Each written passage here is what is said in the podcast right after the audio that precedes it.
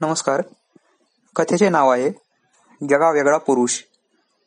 लेखक निलेश दत्ताराम मामने वाचन गणेश भंडारी. विजय संगणकावर एक डिझाईन करण्यात गुंतलेला होता. त्याच्या शेजारी बसून जुई नावाची एक सुंदर तरुणी त्याच्याकडे काही धडे घेत होती. इतक्यात त्या कंपनीचे मालक तेथे आल्यावर त्याला म्हणाले विजय सर डिझाईन हो क्या? त्यावर विजय म्हणाला हा हो काय आहे फिर भी कोई करेक्शन आया तो जुई कर लेगी। त्यावेळी विजय छान इस्त्री केलेल्या कपड्यात अप टू डेट म्हणजे राजबिंडा दिसत होता. दुपारचा एक वाजताच विजय त्या ऑफिसमधून निघून गेला. तो तेथे डिझायनर दोन तास पार्ट टाइम कामाला येत असे. जुई त्या ऑफिसमध्ये नव्यानेच कामाला राहिली होती. जुई दिसायला खूपच सुंदर होती यात शंकाच नव्हती. पण स्वच्छतेच्या बाबतीत ती फारच म्हणजे फारच अति होती. विजय त्या बाबतीत फारच ढ याची जुईला कल्पना नव्हती. जुईची आणि त्याची बऱ्यापैकी गट्टी जमू लागली होती. पण एक दिवस अचानक जुईने विजयचं एक वेगळंच तिला अपेक्षित नसणारं रूप पाहिलं. एक दिवस तिच्या मालकांना संगणकात काहीतरी मोठा बिघाड झाल्याचं लक्षात आलं. हे लक्षात येताच त्यांनी जुईला दोन कारखाने सोडून असलेल्या कारखान्यातून विजयला बोलावून आणायला सांगितलं. म्हणून ती कारखान्यात गेली. पाहते तर काय? तेथे विजय मळके कपडे अंगावर चढवून एकटाच लेत मशीनवर तितक्याच उत्साहाने काम करत करत होता. जितक्या उत्साहाने तो संगणकावर काम करतो. विजयचे हे ओंगळवाने रूप पाहून जुईचा चेहरा पडला. कारण ती विजयच्या त्या राजबिंड्या रूपाच्या प्रेमात पडू पाहत होती. जुईची स्वच्छतेच्या बाबतीत अवास्तव कल्पना होत्या. ती कशाने खराब झालेले तिचे हात धुण्यापूर्वीही कोणी वापरलेल्या फडक्याने पुसत नसे. तिला आजूबाजूला सर्व चकाचक हवं असायचं. आणि येथे विजय ग्रीसने माखलेले कळकट कपडे अंगावर चढवून त्याच्या दिवसातील जास्तीत जास्त वेळ त्या धुळीने माखलेल्या अस्वच्छ जागेत काढत होता. त्याच्या या मळकट कपड्यांना कसा वास येत असेल या कल्पनेने जुईने नाकाला रुमाल लावला. जुई या आत्ताच्या ऑफिसमध्ये नुकतीच रुजू झाल्यामुळे तिला वाटत होते की विजय येथे पार्ट टाइम डिझायनर आहे म्हणजे फुल टाइमही तो हेच काम करत असेल. पण सध्याचे हे चित्र पाहून तिचा अपेक्षाभंग झाला. तरी ड्युटी म्हणून तिने विजयला बॉक्सचा निरोप कसाबसा दिला. तिला वाटले होते तिने त्याला या वेशात पाहिले म्हणून तो भाव चढेल पण तसे काहीच झाले नव्हते. तिच्या अपेक्षेप्रमाणे तो तिच्या सोबत ते कपडे न बदलताच गेला आणि संगणकातील बिघाड दुरुस्त करून माघारी आला. जुईला एक कळत नव्हते एवढ्या हुशार माणसाला इतकं सगळं येत असताना त्या यंत्रांवर काम करण्याची काय गरज?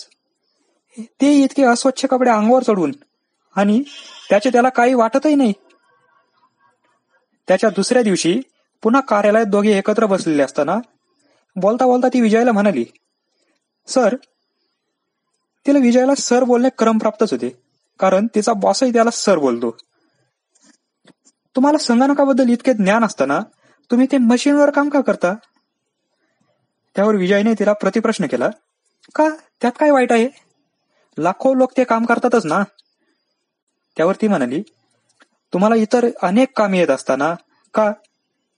उगाच कशाला त्या मळकट कळकट कपड्यात वावरायचे वावरायचे? ते असे एसी कार्यालयात थंड हवा खात आराम खुर्चीत बसून संगणकावर आरामात काम करून चांगला पगार मिळू शकत असताना. यावर विजय त्याच्या गालात गोड असला. तितक्यात तिचा बॉस तेथे आला आणि त्याने विजय सोबत एक नवीन यंत्र बनविण्याबाबत बोलणी सुरू केली. त्यातील काहीही जुईला कळत नव्हते कारण तिचा एकाच यंत्राशी संबंध आला होता. एक दिवस पुन्हा कोणत्या तरी कामासाठी ती विजयला बोलवायला त्याच्या कारखान्यात गेली. तर तो कारखान्यात चक्क झाडू मारत होता. ते पाहून तर जुई आणखीनच विचारात पडली. खरं म्हणजे तिची सटकली. दुसऱ्या दिवशी न राहून ती विजयला म्हणालीच सर तुम्ही झाडू पण मारता तुमच्या कारखान्यात? त्यावर विजय तिला म्हणाला तुझ्या घरात झाडू कोण मारतो? त्यावर ती म्हणाली पण सर हे तुमचे घर नाही ना? त्यावर विजय म्हणाला माझ्या घरात मी कधीच झाडू मारत नाही पण येथे आनंदाने मारतो कारण माझ्या कामाची सुरुवात झाडू मारण्यापासूनच झाली होती. ज्याच्या कामाची सुरुवात झाडू मारण्यापासून झालेली असते तेच खूप पुढे जातात. आमच्या कारखान्यात एक वेळ झाडू मारायला कधी कधी मी कंटाळा करतो पण आमचे मालक करत नाहीत. त्यांच्याकडूनच मी हा धडा घेतला आहे की कोणतेच काम हलके नसते. आणि माणूस मोठा त्याच्या हुद्द्याने नाही तर तो समाजाला काय देतो त्यामुळे ठरत असतो. झाडू मारण्यापासून सुरुवात करून मी अनेक यंत्रांवर स्वार झालो. मला ती यंत्रे माझ्या खूप जवळची वाटतात. त्यांच्या सानिध्यात राहायला मला आवडते. कारण त्यामुळे काहीतरी नवीन निर्माण केल्याचं समाधान मला त्या मिळतं. रोज तेच तेच काम करण्याचा मला कंटाळा येतो. मला काहीतरी नवीन निर्माण केल्यावर प्रचंड आनंद होतो. करोडो लोकांचं आयुष्य एकच काम करण्यात संपून जातं. आज मला इतकं काही करता येतंय की त्यातील एक कामही मला माझा उदरनिर्वाह करायला आयुष्यभर पुरं पडू शकतं. तुला काय वाटतं? हे सगळे लोक मला सर का म्हणतात? त्या बाजूने का असा प्रतिप्रश्न केल्यावर विजय म्हणाला मी जो त्याग केला आहे करतो आहे तो हे कधीच करू शकत नाहीत म्हणून. मी ते सर्व काम करतो कारण ते मला आवडते. पैसेच कमवायचे असतील तर मी ते काही एका जागेवर बसूनही कमवू शकतो. अगदी सहज. पण जर हे काम केले नाही तर हा कारखाना कदाचित बंदही होईल. मला ते होऊ द्यायचं नाही. या कारखान्याचे मालक त्यांच्यासोबत असणारे माझे जिव्हाळ्याचे संबंध ते माझ्यासाठी पैशापेक्षाही महत्त्वाचे आहेत.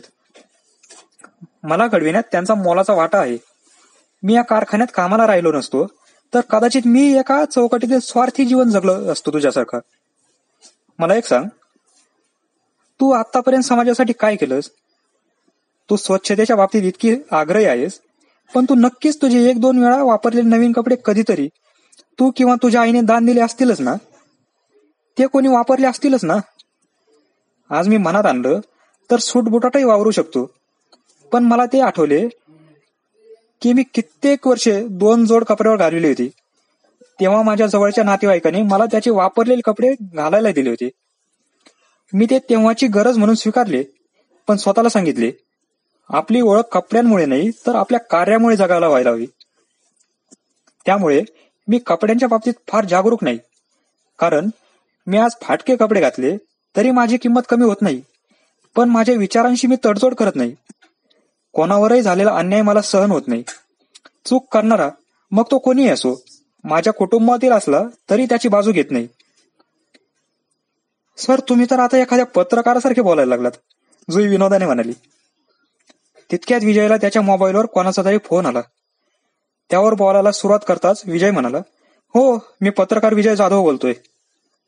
जुई त्याच्याकडे एकटक पाहत राहिली.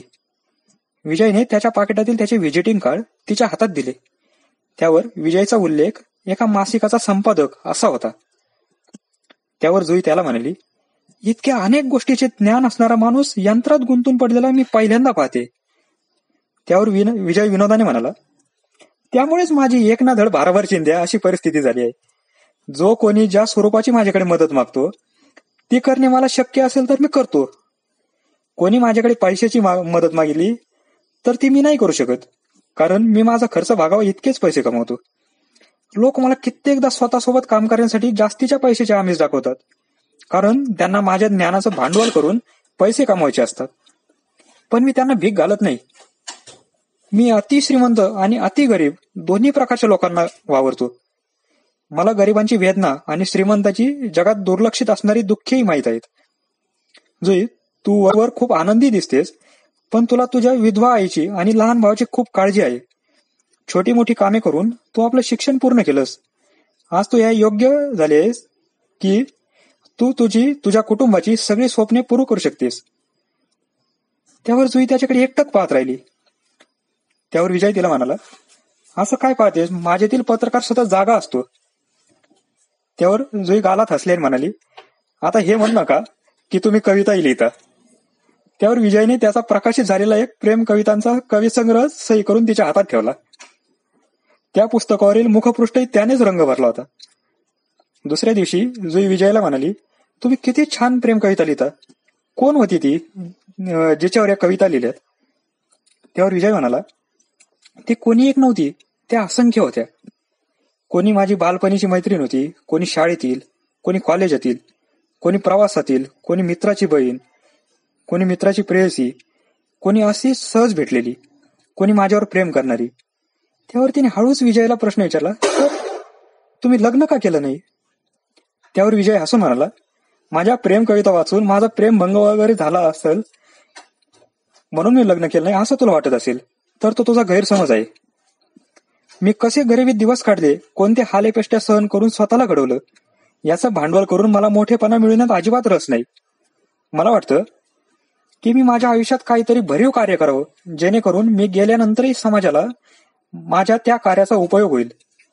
त्यासाठी मला ठरवून राजकारणी व्हायचे नाही. समाजकारण करायला राजकारणाची गरज आहे असे नाही.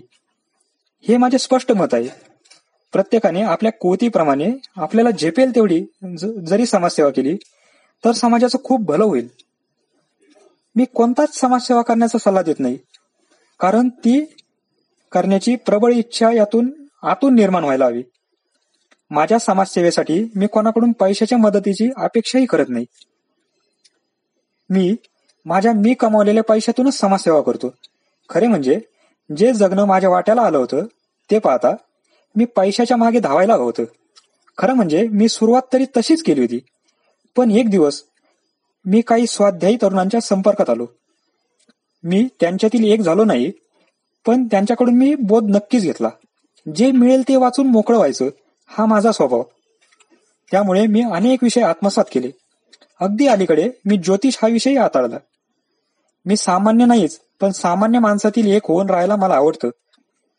जुई लगेच म्हणाली जर मी इकडे कामाला राहिले नसते तर तुम्हाला भेटू शकले नसते. त्यावर विजय म्हणाला नाही तसे नाही.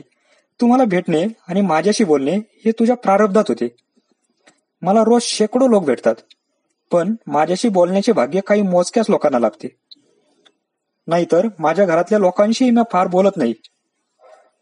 त्यावर जुई म्हणाली सर एक दिवस तुम्ही खूप मोठे व्हाल. तेव्हा मी तुम्हाला भेटले तर ओळख दाखवाल ना?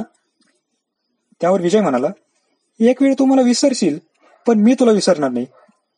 त्यावर का असा जुईने प्रतिप्रश्न करताच विजय म्हणाला कारण मी माझं हृदय पहिल्यांदा कोणा तरुणीसमोर मोकळं केलं आहे. त्यावर जुई गालात गोड हसून म्हणाली मला त्या हृदयात आयुष्यभर राहायला आवडेल. यावर विजय म्हणाला ती येणारा काळच ठरवेल कारण मी तुला कळलोय त्यापेक्षा कित्येक पटीने अधिक कळायचंय. हे ऐकून जुई म्हणाली तुम्हाला समजून घेण्याचंच आयुष्य गेलं तर माझं आयुष्य किती सुखासमाधानात असेल? त्यावर विजय म्हणाला सुख समाधान असेल की नाही हे माहीत नाही पण तुला पूर्ण स्वतंत्र नक्की मिळेल. जे आजही जगातल्या कोण जगातला कोणताच पुरुष स्त्रीला द्यायला सहज तयार होत नाही. त्यावर जुई म्हणाली मी असंख्य पुरुष पाहिले पण तुमच्यासारखा जगा वेगळा पुरुष पहिल्यांदा पाहते आहे. तुम्ही आहात तसेच राहा. मी रस्त्यावरही तुमच्याबरोबर संसार थाटायला तयार आहे.